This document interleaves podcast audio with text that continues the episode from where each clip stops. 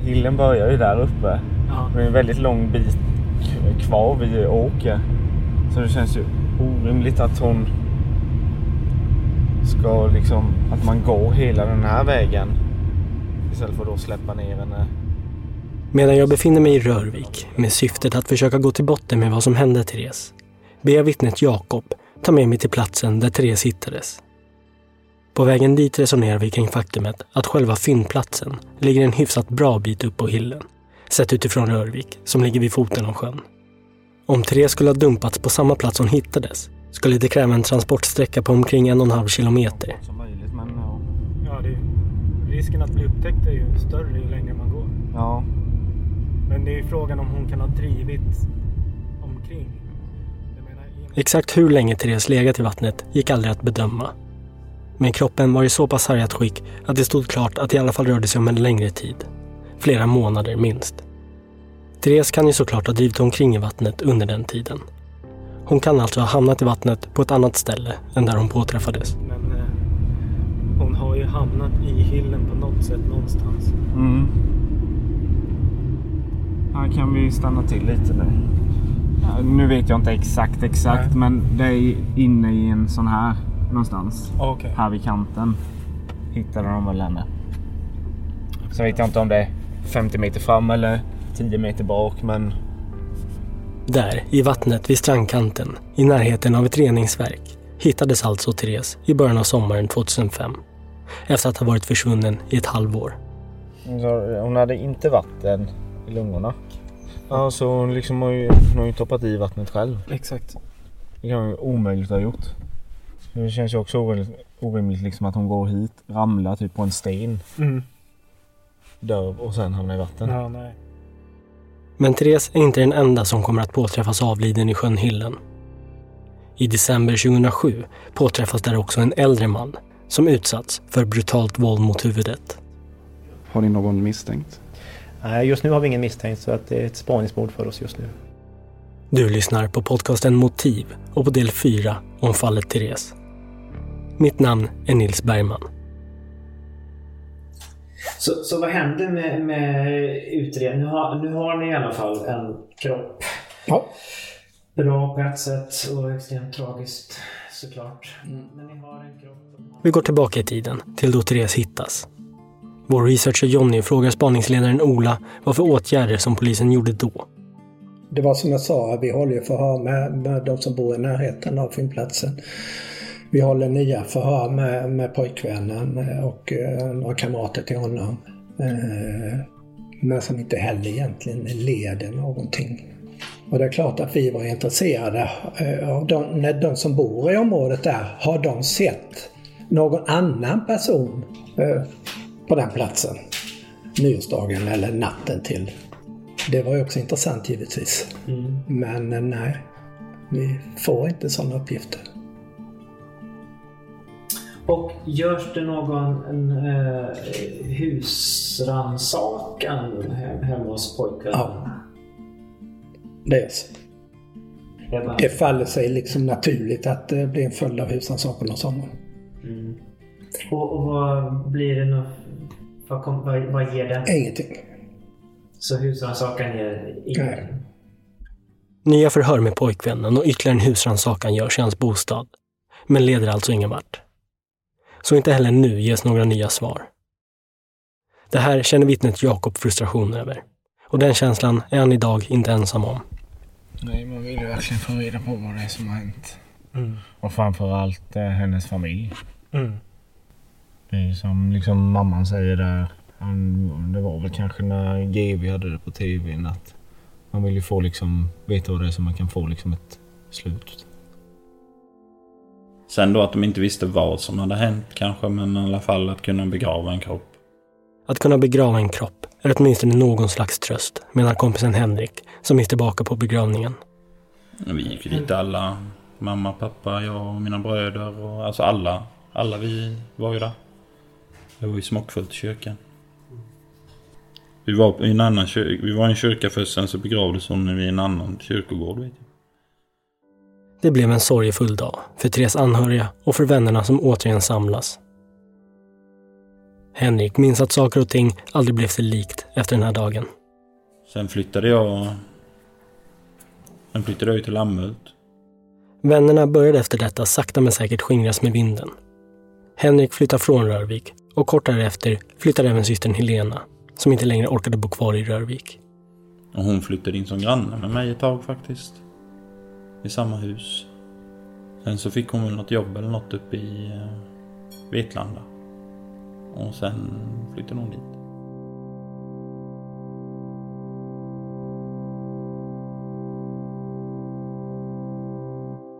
Eftersök efter den här mannen och efter ett tag så anträffar man den här mannen död i anslutning till sin fastighet. Ett och ett halvt år efter Therese begravning drabbas den lilla orten Rörvik av ytterligare en tragedi. Natten till den 27 december 2007 påträffas en 80-årig man avliden i sjön Hillen. Och eh, samband med detta så konstateras också att han har skador som gör att vi misstänker att han har bragts om livet. Har ni någon misstänkt? Nej, just nu har vi ingen misstänkt så att det är ett spaningsmord för oss just nu.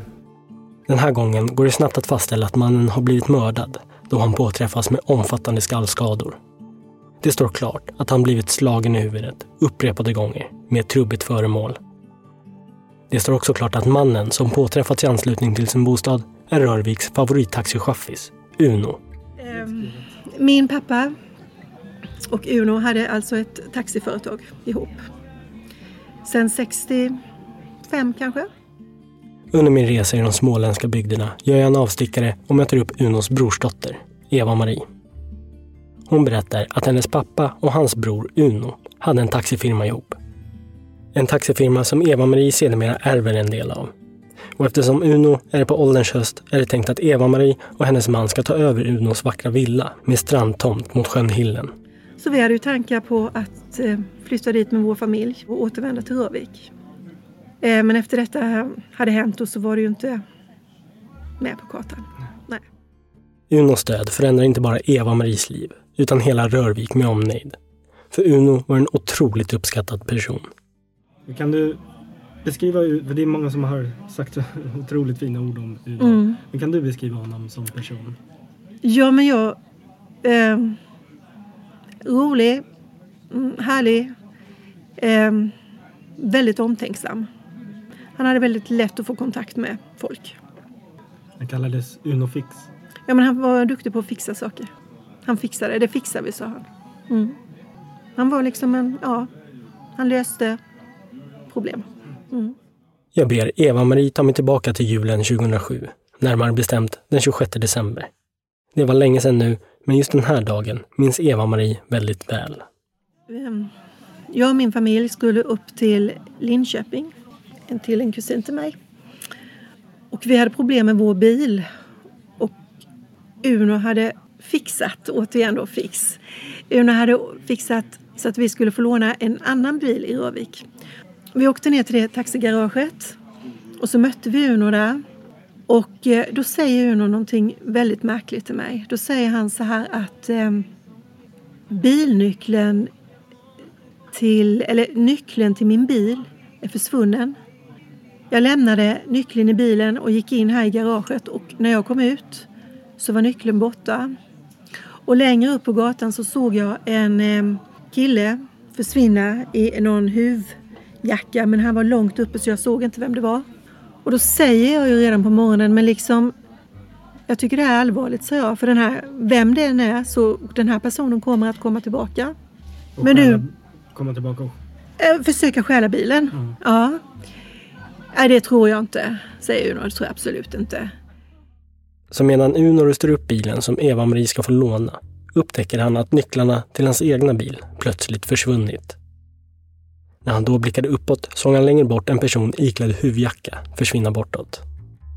Uno har reservnycklar och oroar sig inte speciellt mycket, trots Eva-Maries varningar. Eva-Marie och hennes familj lånar bilen som Uno fixat till dem och åker upp till Linköping under dagen. Senare på eftermiddagen gör de sig redo för att bege sig tillbaka till Rörvik. Och så ringer vi till Uno då att nu åker vi från Linköping. Ja, säger Uno. Nu syns vi här sen. Och Uno hade alltid telefonen med sig. Man kunde alltid nå honom. För han, han ville liksom att alla skulle kunna nå honom. Och sen när vi kommer, om det var kanske typ mot Gränna eller så här på E4 så började jag ju ringa då att vi närmar oss och då var det ingen som svarade. Då tänkte jag väl inte så mycket på det men liksom jag ringde med jämna mellanrum men det var ingen som svarade. Och då kände jag att, eh, då kände jag att någonting är inte okej. Okay. Att Uno inte svarar är ovanligt och en oro börjar växa. Vid sex halv sju-tiden är de framme i Rörvik och åker längs tillen upp till Strandgatan där Uno bor. Hon ringer på hans dörr, men ingen Uno kommer och öppnar. Hon har själv extra nycklar till Unos hus, så hon låser upp och kliver in och går direkt till köket. Där ser hon Unos mobil ligga på köksbordet. Hon går runt i hela huset och letar och ser till slut att bakdörren står öppen. Hon anar oråd. Man tänkte ju så här, Uno var ju äldre och man tänkte liksom att det kan ju hända, hända att det har hänt någonting. Att det har snurrat till eller någonting och att han har kanske börjat gå mot kvarteren där man bodde innan eller att någonting, ett sjukdomsfall eller så här. Så därför blev det att man, att vi gick runt och letade. Eva-Marie ringer till vänner och bekanta till Uno som kommer över och hjälper henne att leta. Och när hon går där längs Strandvägen och letar stöter hon på ett familjärt ansikte. Grannpojken Ludvig är där tillsammans med en kompis. Jo, när jag hade varit och letat så kommer Ludvig och då säger jag, är det du Ludvig? säger jag då. Ja, det är jag, säger han då liksom. Och då frågar jag, har du sett Uno? Nej, säger Ludvig. Nej, han är försvunnen. Snälla hjälp mig att leta. Ja visst, säger han. Då, då börjar jag här nere vid båthamnen. Den då 16-åriga Ludvig bor några hus bort från Uno och Eva-Marie har träffat honom flera gånger tidigare. Det blir därför naturligt att även fråga honom om hjälp i sökandet efter Uno. Men det Eva-Marie inte där och då vet är att det i själva verket är Ludvig som bara timmar innan slagit ihjäl Uno med en tegelsten mot hans bakhuvud. Och medan Uno fortfarande var vid liv, om än medvetslös, så tryckte Ludde in honom under Unos brygga, där Uno till slut dränktes till döds. Nu har Ludvig alltså återvänt till brottsplatsen och hjälper brorsdottern Eva-Marie i sökandet. Och sen vet jag att jag reagerade på att han kom tillbaka väldigt snabbt och eh, han allt det här hade ju redan hänt. Han kom tillbaka väldigt snabbt och sa, nej men jag hittar inte. Och det var då Eva sa liksom att, eh, att det har hänt mycket runt Ludvig på det sista. Den glada och spralliga lilla grannen Ludvig har med åren förändrats, menar Eva-Maries kompis som hjälper henne i sökandet. Hon förklarar att han hamnat i fel umgänge och att han börjat omgärdas av kriminalitet. Men Ludvig försvinner snart från platsen igen och lämnar därmed Eva-Marie med onda aningar. Hon har nu anmält Uno försvunnen till polisen som också kommer ut till platsen. Medan Eva-Marie tar bilen ut på vägarna fortsätter poliser att söka i och omkring bostaden. Sent in på kvällen gör de ett fynd. Ja, men det, det kanske var efter midnatt som han hittades. När Eva och jag kommer tillbaka och sen hinner vi bara köra lite utåt, utåt Algunnaryd och sen ringer de och då har de hittat honom under bryggan. Och vad var din reaktion då? Man vill ju tänka då liksom att... Alltså man vill ju tänka självmord. Man vill ju inte tänka ett mord. Men det fanns ju spår eh, på gräsmattan. Så de, jag förstod ju väldigt snabbt att det var ett mord. Mm. Uno påträffas avliden under bryggan som låg på hans strandtomt. Han har kraftiga skallskador i huvudet som inte kan ha uppkommit av en olycka. Någon har mördat Uno och misstankarna levde snart till Ludvig som såg stryka omkring på platsen. Dagarna efter häktas Ludvig och tas in på förhör. Sveriges Radio rapporterar. Nej, jag tycker det var ett väntat beslut att han skulle bli häktad. Omständigheterna var så, bevisläget sådan att det föreligger sannolika skäl. Åklagaren tycker alltså att det finns starka bevis mot 16-åringen trots att han själv nekar till brottet. Det här är en person som är dömd förut, vid två tillfällen. I tidigare domar så står det att socialförvaltningen i Sävsjö har sett allvarligt på hans beteende och att föräldrarna har känt sig maktlösa och inte vetat hur de ska kunna hjälpa sin son så att han inte hamnar i problem. De tidigare domarna mot Ludvig handlar främst om stölder, vilket polisens utredare jobbar ut efter eventuellt skulle kunna vara ett motiv även i detta fall, då Uno var en förmögen enkeman. Åklagaren Lars Jeppsson, som kopplas in i mordutredningen, utesluter inte heller att flera personer kan vara inblandade då Ludvig varit tillsammans med flera personer i de tidigare stölderna. Eh, Det finns många personer till att höra. Väntar på teknisk bevisning. Jag kan inte kommentera om det, om det finns fler misstänkta nu. Det är inte fler gripna eller fler anhållna. Men det blir bara Ludvig som häktas och han åtalas till slut för att ensam ha begått mordet på Uno. Brorsdottern Eva-Marie berättar för mig att hon skrev ner sina tankar, iakttagelser och känslor under de här dagarna. Och att hon precis var på väg att slänga dem, kort tid innan jag första gången kontaktade henne. Så hon valde att spara anteckningarna och vill nu passa på att läsa upp dem. Men om du vill kan jag gärna läsa upp det. Absolut. Mm. Jag, hade, jag hade precis tänkt slänga det, men ja. Ehm. Mm. Nu börjar jag. Ja. Ehm, Uno. Uno betydde så otroligt mycket för mig. Visst hade vi olika åsikter och visst var han speciell. Men det var väl därför som jag älskade min Uno så otroligt mycket. Känner du inte igen mig? Det är ju jag, Ludde. Ludvig. Jag träffade honom på Strandga- Strandgatan. Annandagen år 2007. Snälla Ludvig, sa jag, hjälp mig att leta. Vi börjar nere vid båthamnen. Visst, sa du. Du stod där med din kompis. Och sen försvann ni och började leta. Jag tyckte ni kom tillbaka väldigt snabbt. Men inte kunde jag väl ana att det var du, Ludde, som var mördaren. Du som jag alltid hade tyckt om. Du var ju också adopterad, precis som mina egna barn.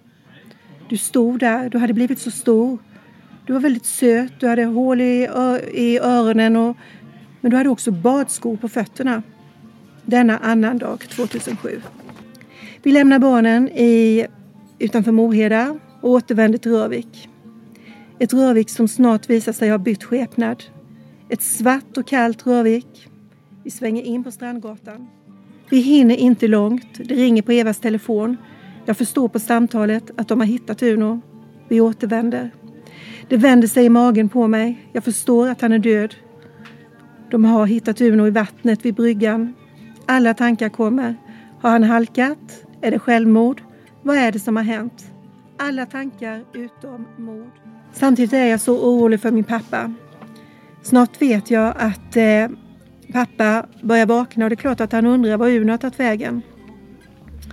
Min telefon har också börjat ringa. Polismannen är så snäll. Han förbereder mig på att det är pressen. Och det var pressen. Det känns som vi är jagade en hel dag. Eh, tidning, en av tidningarna var värst. Vi sitter alla samlade nu hos Magnus i Lammhult. Rädslan kryper in på mig. Jag minns inget mer. Konstiga dagar flyter på och nu väntar vi på domstol. Det blir det också i slutet av januari. I slutet av januari 2008 hålls tingsrättsförhandlingarna mot Ludvig Eksjö tingsrätt. Han står då åtalad för att ha mördat Uno och erkänner själv till misshandel och vållande till annans död men förnekar att han hade för avsikt att döda Uno. Han har bragt eh, Uno Andersson om livet. Det rätten att ta ställning till nu är vilken gärning den tilltalade har begått. Och det beror lite grann på vilket uppsåt eh, som man anser då att den tilltalade har haft i sitt agerande. Det blir alltså en fråga om uppsåt och om vad Ludvig kan ha haft för motiv.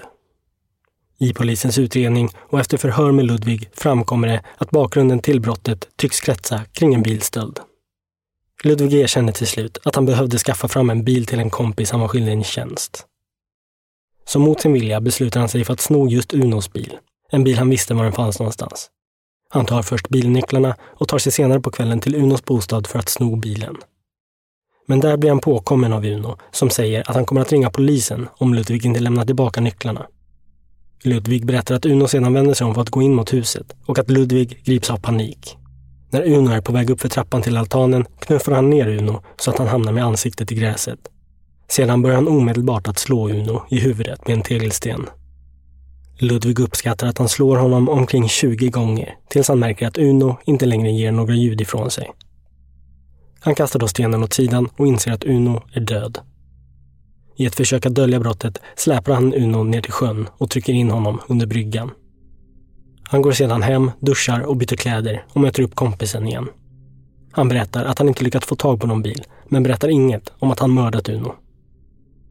Tillsammans går de tillbaka till Uno och upptäcker då att det är folk som söker honom och de beslutar sig då för att hjälpa till. Det blir många slag och blod på pojkens kläder kommer senare att binda honom till brottet. När den äldre mannen... Och det blir den här berättelsen som rätten har att ta ställning till. Sveriges Radio rapporterar. Pojken som är tilltalad nu har tagit livet av Uno Andersson. Sen är det frågan för rätten att ta ställning till om han har gjort det med avsikt att döda honom eller om det har berott på en, en olycka så att säga eller en, en våda från hans sida. Men enligt åtalet så har pojken ändå slagit ner Uno och sen dumpat honom i en sjö. Ja, det stämmer. Vad tycker du att det tyder på? Jag tycker i första hand att det tyder på den första rubriceringen mord. Hur ställer sig pojken själv till de här anklagelserna? I sina uppgifter så gör ju han gällande eh, att han inte har haft för avsikt att eh, Uno Andersson skulle dö. Ludvig erkänner alltså att det är han som tagit livet av Uno. Men att han inte menade att Uno skulle dö. Tingsrättens bedömning blir dock att våldet Ludvig utsatt Uno för är att betrakta som besinningslöst. Han har inte heller gjort ansträngningar för att påkalla hjälp av något slag, utan istället valt att dölja kroppen. Tingsrätten menar att Ludvig haft ett direkt uppsåt att döda Uno och att motivet har varit att förhindra att denna gjorde en polisanmälan i anledning av att Ludvig stulit hans bilnycklar. Ludvig döms till mord och straffets längd bestäms med hänsyn till hans låga ålder till tre års sluten ungdomsvård. Och även den här händelsen påverkar det lilla samhället Rörvik enormt. Ja, det är ju tragiskt. Det känns ju som man inte kan gå ut längre för att det händer massa saker här hela tiden. Så jag är tacksam för att ha hunden. Så han skyddar dig? Ja. det var bara tre år sedan va, som det hände en olycka här senast. De hittade en flicka i sjön. Ja, det var min kompis. Mm. Och vi vet fortfarande inte riktigt vad som hänt. Men det, ja. Jag vet inte vad man ska säga om det men sanningen kommer fram till slut. Någon gång. Så nu när det här hände så, ja. Det ska ju inte hända ett litet samhälle tycker man ju inte. Det, mm, det är tragiskt när man ger sig på en sån liten man. Som man vill alla väl då. Så att, ja. Jag vet inte vad man ska göra men något måste ju hända här nu för att man ska ju kunna gå ut. Det, ser, det är ju som de förbiser liksom lilla Rövik. Det finns ju ingenting här men ja. nu liksom nu får de göra någonting faktiskt tycker jag. Ja, kära Ludde. Det var ju dig jag bad om hjälp att leta efter älskade Uno. Du var med och låtsades empati och du blev dömd. Det skrev jag ett par veckor, tror jag, efteråt. Och jag har aldrig läst det och såg det för någon, ett par veckor sedan nu och tänkte att jag ska slänga det. Och nu har jag ju läst det så nu kan jag slänga det. Och brorsdottern Eva-Marie berättar hur otroligt tungt och sorgfyllt det var att veta att Uno gått bort på det här sättet. Eva-Maries pappa, brodern till Uno, var vid tiden väldigt gammal och Eva-Marie beslutade sig tidigt för att inte berätta för honom vad som verkligen hände Uno. Nej, det är ju det som är så fruktansvärt. För jag, jag klarade ju aldrig riktigt att prata med min pappa om detta. På något sätt ville jag skydda honom. Jag ville liksom inte att han skulle få veta vad som hade hänt. Så jag sa ju hela tiden till min pappa liksom att Uno hade dött utav en hjärtinfarkt. Och jag tog bort tidningarna. När de, jag kunde åka till Rövik tidigt på morgonen och ta bort tidningen så inte han skulle få tidningen. Och visste jag att, att rätt, när rättegången hade varit i Eksjö eller så här så ja, då åkte jag och hämtade pappa så att han fick vara i Värnamo. Jag ville inte att han skulle läsa tidningar. Alltså jag var, det var väl lite blåögt. Men jag, man handlade inte klart. Okej, Utan, du, du höll det dolt för honom ja, att det var ett mord? Mm, gjorde jag. Under lång tid? Alltid. Mm. Han visste det ändå.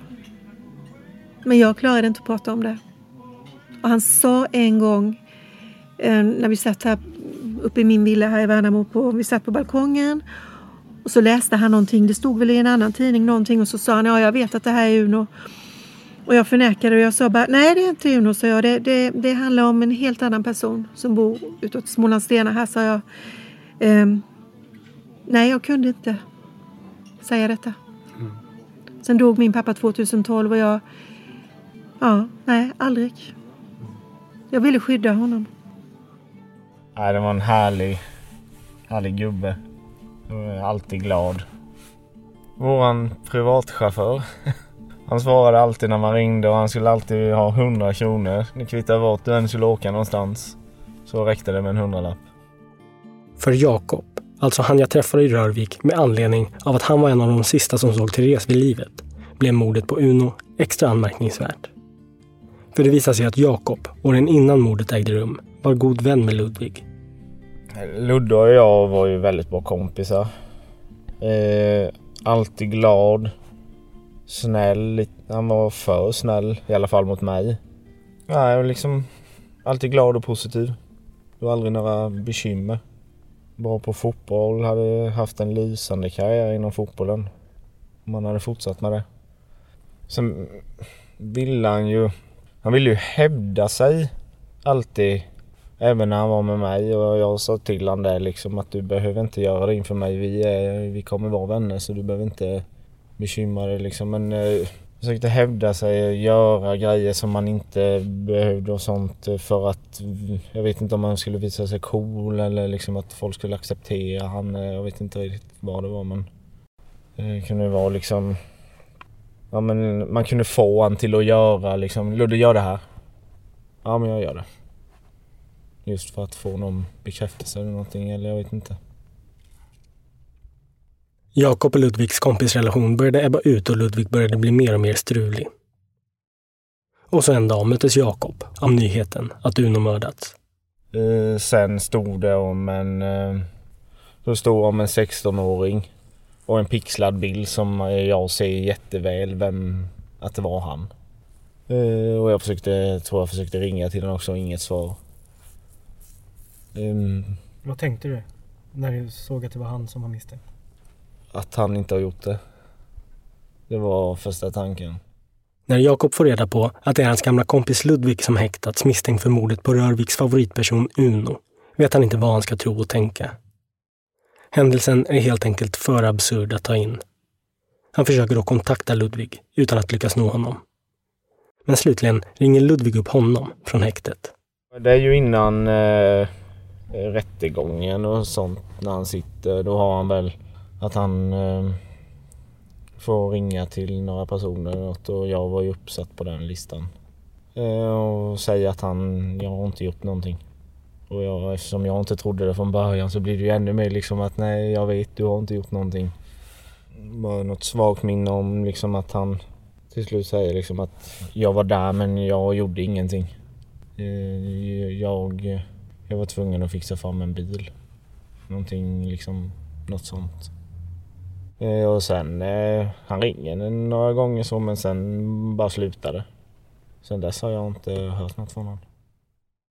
Ludvig ringer alltså Jakob under tiden då Ludvig fortfarande inte erkänt för någon om vad han gjort. Och Ludvig slutar höra av sig till Jakob i samband med att tingsrätten påbörjas. Det är då Ludvig slutligen erkänner. Men Jakob lämnade sedan med intrycket att den version han kom att berätta i tingsrätten inte är den helt sanna berättelsen. Jag, fick, jag tror jag fick uppfattningen när vi pratade i telefon att han kommer ta på sig det här nu för att han, för att han känner, för att han måste. Lud Ludvig och Uno, eh, de bodde bara ett par hus ifrån varandra på samma gata. Eh, ja, det var bara olyckligt att det blev som det blev tror jag. Jag tror inte att de ville ha ihjäl honom. Therese kompis Sara var inte kompis med Ludvig, men kände till honom väl. Hon tyckte också att händelsen med Uno var hemsk och svår att ta in. Men hon tror inte att Ludvig planerade att mörda Uno, utan att saker och ting eskalerade och spårade ur. Hon har också lämnats med misstankarna om att det var fler än bara Ludvig som var inblandade. Men Uno var gammal och eh, han var väldigt liten och mager och eh, jag tror att de kanske slog på fel sätt och att de fick panik. Ehm, helt enkelt. Vad är det som får dig att tro att det var flera? Jag tror bara inte att Ludvig skulle haft det, alltså att han hade i sig. Mm. Men eh, jag vet inte. Men det är bara vad jag tror. Men det finns ju inga vittnen. Så han kanske gjorde det själv, men eh, jag tror inte det. Alltså han var... Ja, han hamnade i dåligt sällskap men ja, jag kan inte tänka mig att han hade kunnat mörda Uno, Eh, liksom hans granne. Eh, eller att han ens skulle tänka sig att sno en bil själv. Alltså han hade inte en körkort, han hade inte ens börjat övningsköra. Vad skulle han med den bilen till? Um, så nej, jag tror inte att han var ensam. Men han skyddade nog de andra. Det finns uppgifter i förundersökningsprotokollet som visar på omfattande telefontrafik mellan Ludvig och två av hans vänner timmarna innan mordet ägde rum. De två vännerna förhördes också av polisen men ingenting framkommer i utredningen som binder de två personerna till brottsplatsen. De kriminaltekniska spåren tycks leda uteslutande till just Ludvig. Och historien om Ludvig slutar inte här utan den fortsätter i en nedåtgående spiral. I december 2010 begår han ytterligare ett brott. Bara tre veckor innan sin frigivning från Fagereds ungdomshem i Lindome utanför Göteborg så våldtade den nu 19-åriga mannen tillsammans med 22-årig kompis en flicka i högstadieåldern. Våldtäkten skedde i en lägenhet som 19-åringen under permission fick bo i själv, något som han enligt Göteborgs-Posten kunde göra veckovis utan någon som helst tillsyn från ungdomshemmet. Och för 19-åringen väntar nu ett treårigt fängelsestraff för våldtäkt. Hur reagerar du på den andra händelsen? Ja, jag blev eh, så jävla förbannad. Jag blev riktigt vansinnig. Jag trodde inte att han kunde göra en sån grej. Det finns ju, man, har, man kan inte ha något liksom innanför pannbenet, inget hjärta eller någonting om man, om man klarar av att göra en sån grej. Mm. Så det, det tog väldigt hårt.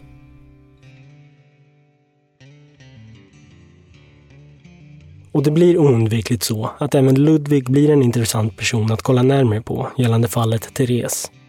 Ludvig var dock enbart 13 år då nyårsfesten då Therese försvann ägde rum. Men eftersom att det senare påträffas ytterligare en död person i samma sjö som Therese hittas i, så går det att dra vissa kopplingar. Det, har ju, det, som, det som jag tycker är så här... Äh, det är ändå... Eh, det som är likt i dem. Eh, de hittas i sjöar på varsin sida om Rörvik. Båda saknar skor. Eh, och båda på något sätt varit utsatta för trubbigt våld mot huvudet. Sen vet man inte. Ah, ah, Uno dog inte av sina huvudskador. Eh, även om han med stor sannolikhet skulle ha gjort det senare utan att drunkna och hjärtfel som uppstod på grund av stress vilket tyder på att Uno hade en fruktansvärd död. När jag läste om det där känns det som Mm. Båda dog kring nyår, jul, nyår med nästan exakt års mellanrum. Ludvig har erkänt ena mordet med så många likheter till det andra. Mm. Eh, Det är ju ganska... Mm, mm. ganska Så, Mm. så kan man ju såklart alltid göra med allting. Mm. Man hittar likheterna så finns det lika många. Och, men det är ju inte, det är ganska mycket likheter Mm. mellan de här två och, och, och, och så nära varandra. Mm. Jag kan inte säga det för det här eh, är ju uppgifter som inte jag visste om. Nej. Jag har inte hört dem, eh, men jag förmodar att man har eh, hört en misstänkt där i de ärendena närmare om de här uppgifterna. Men kanske inte har eh, tyckt att hans uppgift stämmer. Mm. Utan att veta, ska jag säga, med reservation. Mm. Spaningsledaren Ola arbetade vid den här tiden med just fallet Therese och har inget minne av att Ludvig någonsin var en person av intresse i utredningen. Trots eventuella likheter så drogs alltså inga kopplingar mellan de två dödsfallen. Men sen finns det ytterligare en anmärkningsvärd detalj som förbryllar. Och det är att Ludvig, i sina första förhör med polisen gällande mordet på Uno, berättar att han tidigare under morddagen, citat, sett Therese mördare i grannkommunen Sanden. Sanden råkar vara ett område som Therese dåvarande pojkvän Oskar ofta arbetade i. Och det är svårt att veta huruvida Ludvig vid tiden svalt ryktena om att det är pojkvännen som han tror är Therese mördare. Eller om Ludvig helt enkelt vet vem mördaren är och att det är den personen han har sett. Förhörsledarna ställer inga ytterligare följdfrågor kring detta i förhören med Ludvig. Eh, tidigare på dagen, som, som Uno mördades, eh, så pratade Ludvig om att han sett den person som dödade Therese i Rörvik för två år sedan, fast inte tre år sedan. Kollades det upp närmare? För det är lite lustigt. Jag kan inte svara på det. Jag vet inte det. Nej. Men den har... Du vet i alla fall ingenting Nej, om... jag kan inte den utredningen på, på Umeå. Men hade det dykt upp någonting där som, som kunde härröras till så är, borde man ju ha hört då den här personen närmare om de uppgifterna. Det kan jag ju tycka. Och hade de nu gjort att det kommer fram någonting, då hade vi ju fått reda på den äh, Therese-utredningen också. Mm. Det finns ingen utredning eller någonting utöver eventuella likheter som på något sätt minner Ludvig till det Therese utsattes för. Vi har försökt att själva kontakta Ludvig för att höra vad han menade med att han sett Therese mördare i grannkommunen Sanden. Men han har inte återkommit till oss. Jag söker mig vidare och kommer slutligen i kontakt med en person med god insyn i hur Therese pojkvän Oskars liv såg ut efter det att Therese hittades död. Alltså jag har alltid trott att som mamman och Therese. Alltid. För varje gång jag sov där på nätterna och så, så drömde han väldigt mycket. Och han kunde drömma och gå upp och säga förlåt Therese. Och, eh, ja, han kunde säga sådana grejer som förlåt Therese och jag ska inte göra så igen. Och, eh, jättekonstiga, lustiga grejer gjorde han när han sov. Alltså när han dricker så blir han en helt annan person. Han blir djävulen själv. Och alla är emot honom. Han tror att alla är emot honom och alla vill honom illa. Eh, så han blir helt, han blir galen. Han blir helt knäpp. Jag tror att hans pappa vet om vad som har hänt också. Du har lyssnat på Motiv och på del 4 av 6 om fallet Therese. Fallet Therese är en samproduktion mellan Talltale och A Rabbit Hole. Researcher var Johnny Kock, produktionsassistent Albin Håkansson, efterbearbetningsproducent Martin Mark, Producerat av mig, Nils Bergman och John Mark. Tack för att ni lyssnar.